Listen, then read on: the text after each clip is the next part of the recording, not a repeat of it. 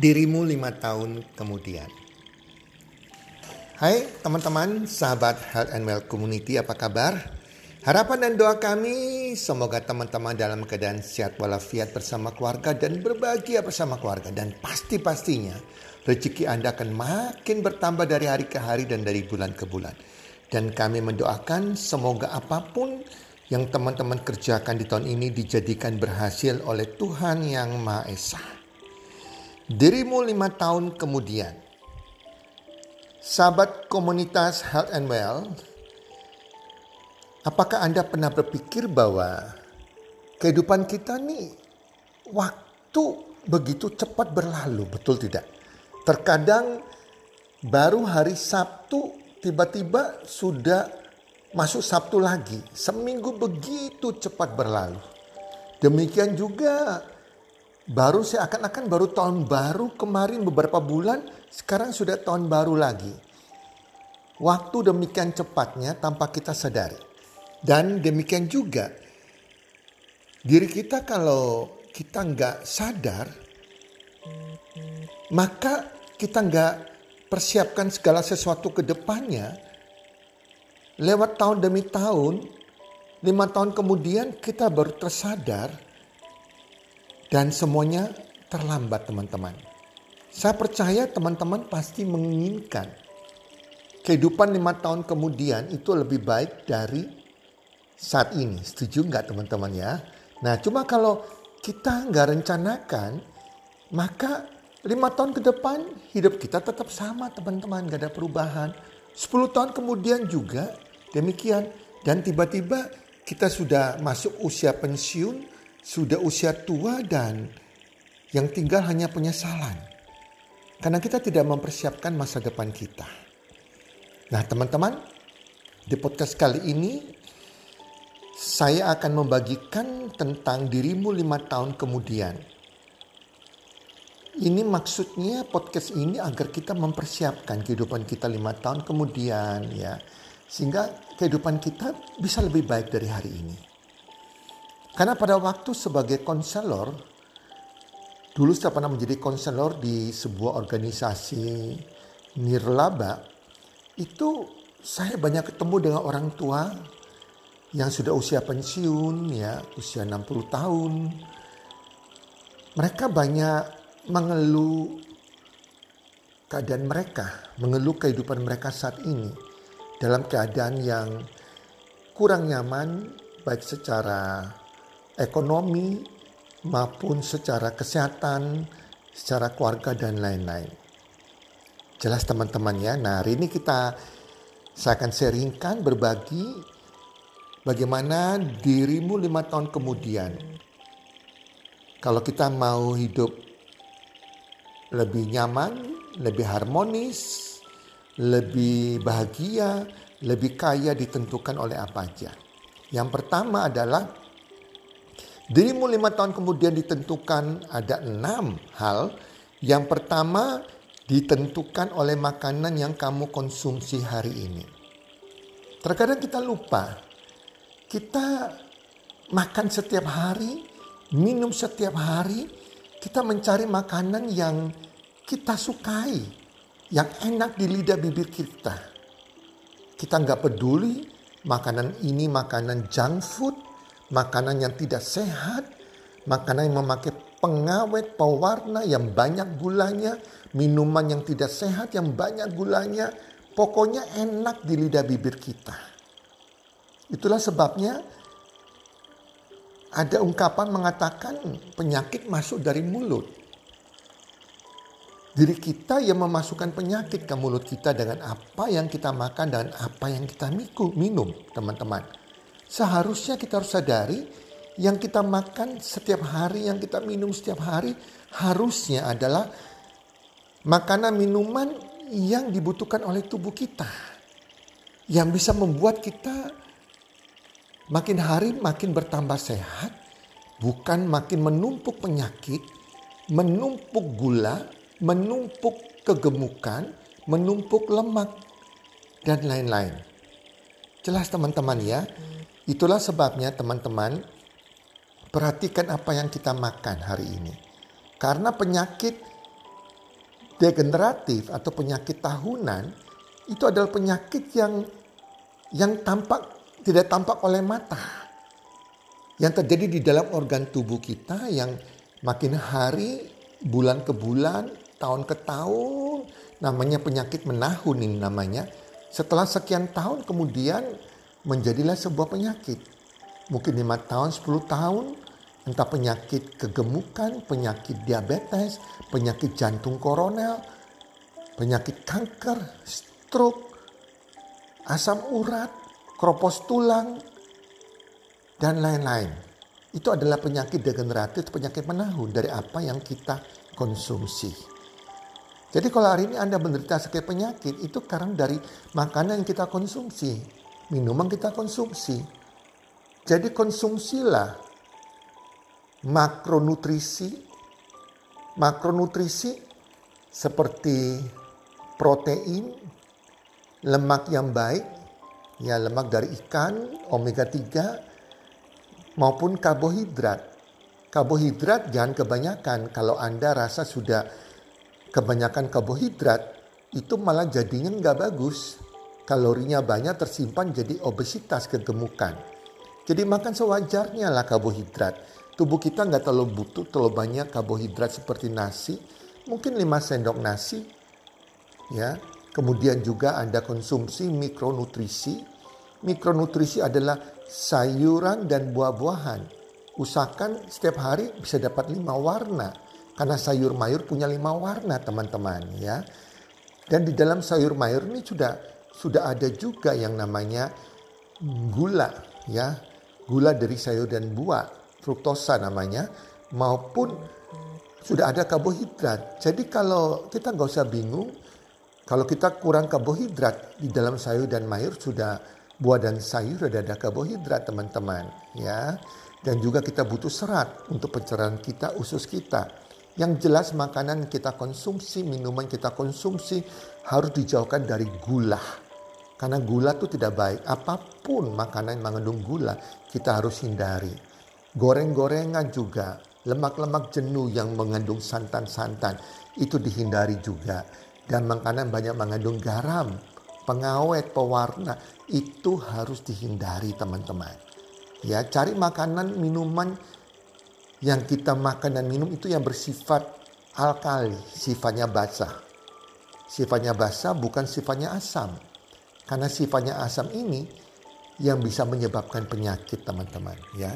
Oke, yang kedua adalah buku yang Anda baca.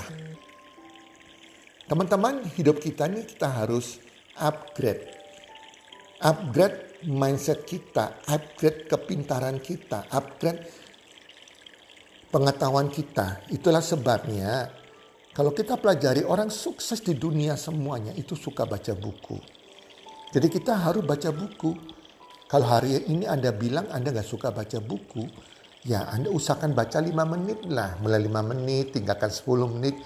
Sehingga lama-lama kalau Anda sudah lakukan itu konsisten walaupun cuma lama 5 menit, nanti dalam waktu Anda lakukan selama 3 bulan jadi kebiasaan. Baca buku-buku yang bermanfaat, yang bisa meningkatkan pengembangan diri Anda, pengetahuan Anda, ya jadi bukan buku-buku yang ecek-ecek teman-teman ya. Jadi penting sekali. Jadi survei pernah menunjukkan bahwa orang-orang di usia muda sampai usia apalagi usia tua yang suka membaca mereka punya daya ingat itu kuat memori mereka kuat. Terhindar dari pikun Alzheimer segala macam. Ya jelas-jelas teman-temannya itu pentingnya buku. Nah pribadi Anda itu bisa menjadi berubah dari buku yang Anda baca. Menjadi pribadi yang lebih positif, manusia yang berubah dari hari ke hari. Karena dari buku yang Anda baca ini, itu akan terekam, tertanam di pikiran Anda. Anda menjadi orang lebih pintar dari orang lain, lebih jadi orang lebih di atas orang rata-rata. Nah ketiga, kebiasaan yang Anda lakukan. Nah kebiasaan Anda lakukan di sini adalah kebiasaan-kebiasaan apa sih Anda lakukan? Itu kebiasaan sukses atau kebiasaan orang gagal. Ya, contohnya kalau Anda kebiasaan Anda lakukan adalah hanya tidur-tiduran, Anda main game, Anda hanya nyebar-nyebar hoax, ya, nonton drakor sampai sampai tidak tidur, ya ini kan tidak bagus. Ya, tidak bagus bagi diri Anda, pribadi Anda. Menjadi pribadi yang tidak sehat. Kebiasaan Anda lakukan misalnya apa? Anda tidak pernah berolahraga, padahal itu penting kan? Nah, itu juga nggak bagus. Anda jadi tidak sehat. Kebiasaan Anda tidur sampai di atas jam 11 malam, kurang tidur, ini kebiasaan yang buruk. Kebiasaan-kebiasaan yang lakukan bisa Anda ngerokok, Anda suka uh, clubbing bersama teman, Anda minum alkohol, Anda narkoba mungkin ya. Nah, itu kebiasaan yang tidak baik teman-teman ya. Jadi perhatikan, kebiasaan-kebiasaan Anda lakukan apa teman-teman? Nah, terus kemudian yang keempat adalah orang yang kamu habiskan waktu bersama. Nah, teman-teman, ini penting banget. Dengan siapa Anda berkumpul setiap hari? Apakah Anda lebih banyak berkumpul dengan pasangan Anda, dengan anak-anak Anda, sehingga Anda membangun keluarga yang sakinah, mawadah, bahroma, ya, keluarga yang harmonis, atau Anda berkumpul lebih banyak kepada orang-orang teman-teman Anda yang gak jelas juga teman-teman Anda. Nah itu menentukan ya quality time dalam keluarga, keluarga yang harmonis atau tidak. Demikian juga Anda habiskan waktu Anda dengan teman-teman Anda yang tidak benar misalnya. Anda berkumpul dengan orang-orang yang tidak benar. Orang-orang tidak punya masa depan. Nah ini akan menentukan Anda lima tahun ke depan. Semua orang sukses mengatakan, ya termasuk Anthony Robbins, motivator termahal di dunia mengatakan bahwa dengan siapa Anda kumpul, siapa teman Anda, lima teman Anda yang Anda habiskan waktu bersama, ya, akan menentukan kehidupan Anda lima tahun ke depan, sepuluh tahun ke depan, masa depan Anda seperti rata-rata kehidupan lima orang yang Anda kumpul setiap hari, teman baik Anda. Kalau Anda misalnya berkumpul dengan orang-orang yang maaf kata ya, orang-orang bodoh, orang-orang yang suka ngerokok, maka bisa diramalkan Anda menjadi perokok, menjadi orang-orang bodoh. Anda berkumpul dengan orang-orang yang suka fitnah, orang-orang yang rasis, ya, maka Anda akan menjadi rasis, teman-teman. Hati-hati, teman-teman. Anda berkumpul dengan orang yang semangat kerjanya tinggi, punya impian yang besar. Orang-orang ingin lebih maju, lebih sukses, orang-orang yang rajin, orang-orang yang kaya, maka Anda akan menjadi seperti mereka. Coba cek, lima teman Anda Anda sering kumpul setiap hari itu siapa yang Anda habiskan waktu bersama. Itu menentukan kehidupan Anda lima tahun ke depan. Nah, yang kelima, pembicaraan sehari-hari. Ucapan Anda sehari-hari. Nah, teman-teman, kita harus hidup makin hari makin bijaksana, betul enggak? Teman-teman pernah ketemu enggak orang yang makin tua tidak makin bijaksana? Karena apa? Dia nggak mengontrol ucapan atau pembicaraannya dia. Saya banyak ketemu orang tua yang masih maki-maki, bicaranya kotor, bicaranya maki-maki, keluar kebun binatang dalam ucapannya dia, kasar ucapannya dia. Nah ini hati-hati teman-teman. Kita makin bertambah usia, makin tahun makin tahun harus jadi orang bijaksana. Orang bijaksana adalah ditentukan dilihat dari ucapan yang keluar dari lidah bibir dari lidah bibir kita bukan ucapannya mengeluh mengeluh mengomel mengomel memfitnah ya menyebarkan hoak memaki-maki menjelekan orang lain pembicaraan kita sehari-hari itu itu adalah racun yang di mana akan menjauhkan Anda dari rezeki. Hati-hati teman-teman. Ucapan Anda negatif, gak bijaksana. Rezeki akan jauh dari Anda. Yang datang adalah hal-hal negatif ke kehidupan Anda. Dan bahkan Tuhan pun akan menjauh dari Anda. Serajin apa pun Anda beribadah, mau sembahyang berapa kali per hari. Kalau ucapan Anda, ucapan yang sia-sia, ucapan yang negatif. Hati-hati, Tuhan pun akan menjadi lawan Anda. Teman-teman ada ayat suci mengatakan bahwa lidah bibir kita, ucapan kita, pembicaraan kita itu bisa menjadi semacam pisau. Dan kita membunuh orang saat ini bukan dengan pakai pisau, terus kita tusuk orang, membunuh langsung dengan pisau, tetapi lewat ucapan kita. Ucapan kita ibaratnya pisau. Kita bisa membunuh orang lewat ucapan kita. Memfitnah orang ya dengan ucapan kita. Ucapan ini bisa membunuh. Apalagi Anda memfitnah orang, nah hati-hati dengan ucapan kita, pembicaraan kita, apa yang keluar dari mulut kita.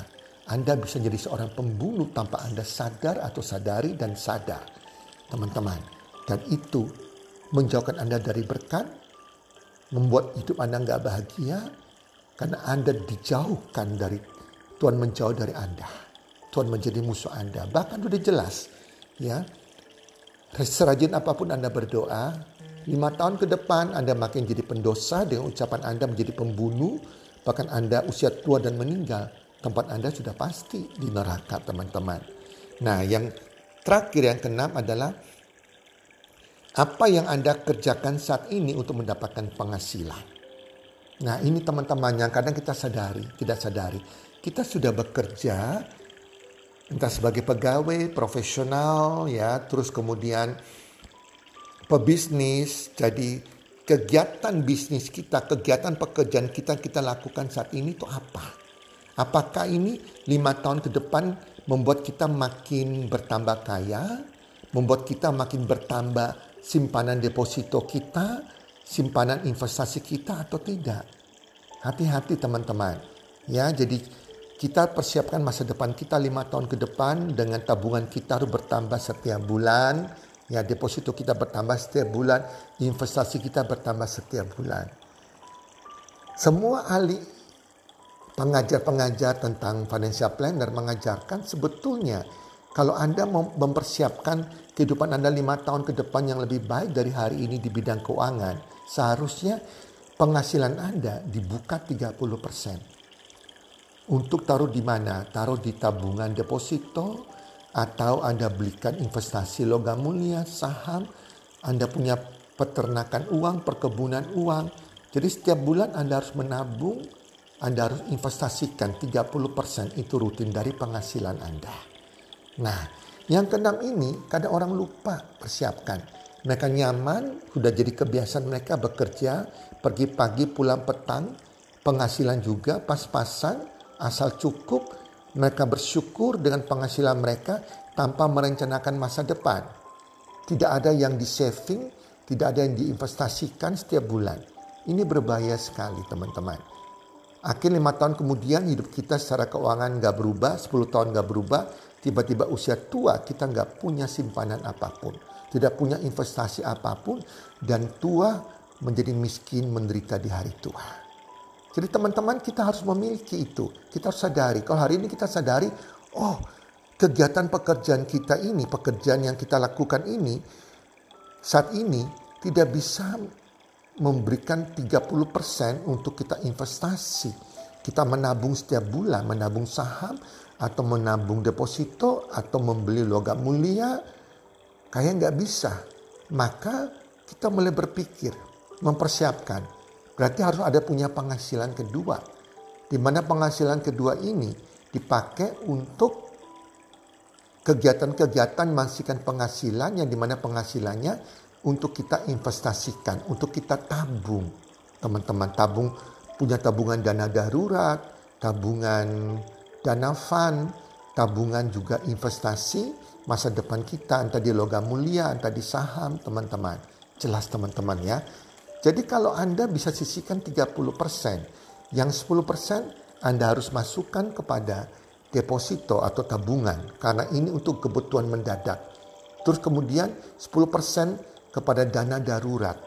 Dana darurat itu Anda harus tabung terus sampai sebanyak 6 bulan atau 12 bulan dari dari biaya hidup Anda setiap bulan. Nah 10% yang lain itu Anda tabung di investasi. Ini tidak boleh diambil, tetap dibiarkan terus sampai Anda tua. Entah di logam mulia, anti inflasi ini, logam mulia adalah investasi yang anti inflasi, entah ke saham, reksadana atau apa pun ya yang risikonya kecil itu Anda harus punya pengetahuan juga di sini. Nah, itu dibiarkan saja jangan diambil. sampai Anda usia tua.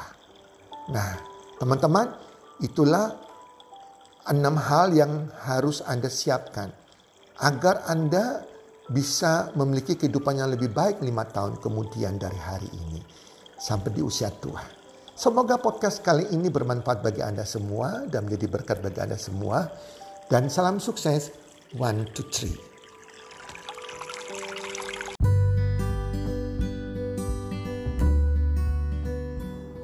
Terima kasih sudah mendengarkan podcast kami.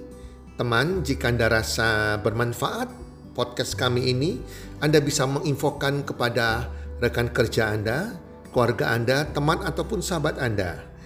Dan jika ada hal-hal yang Anda ingin tanyakan kepada kami ataupun topik-topik apa yang Anda ingin kami bawakan, kami sampaikan, Anda bisa DM kami di Instagram kami health community Salam one two three, salam sehat, sejahtera dan bahagia.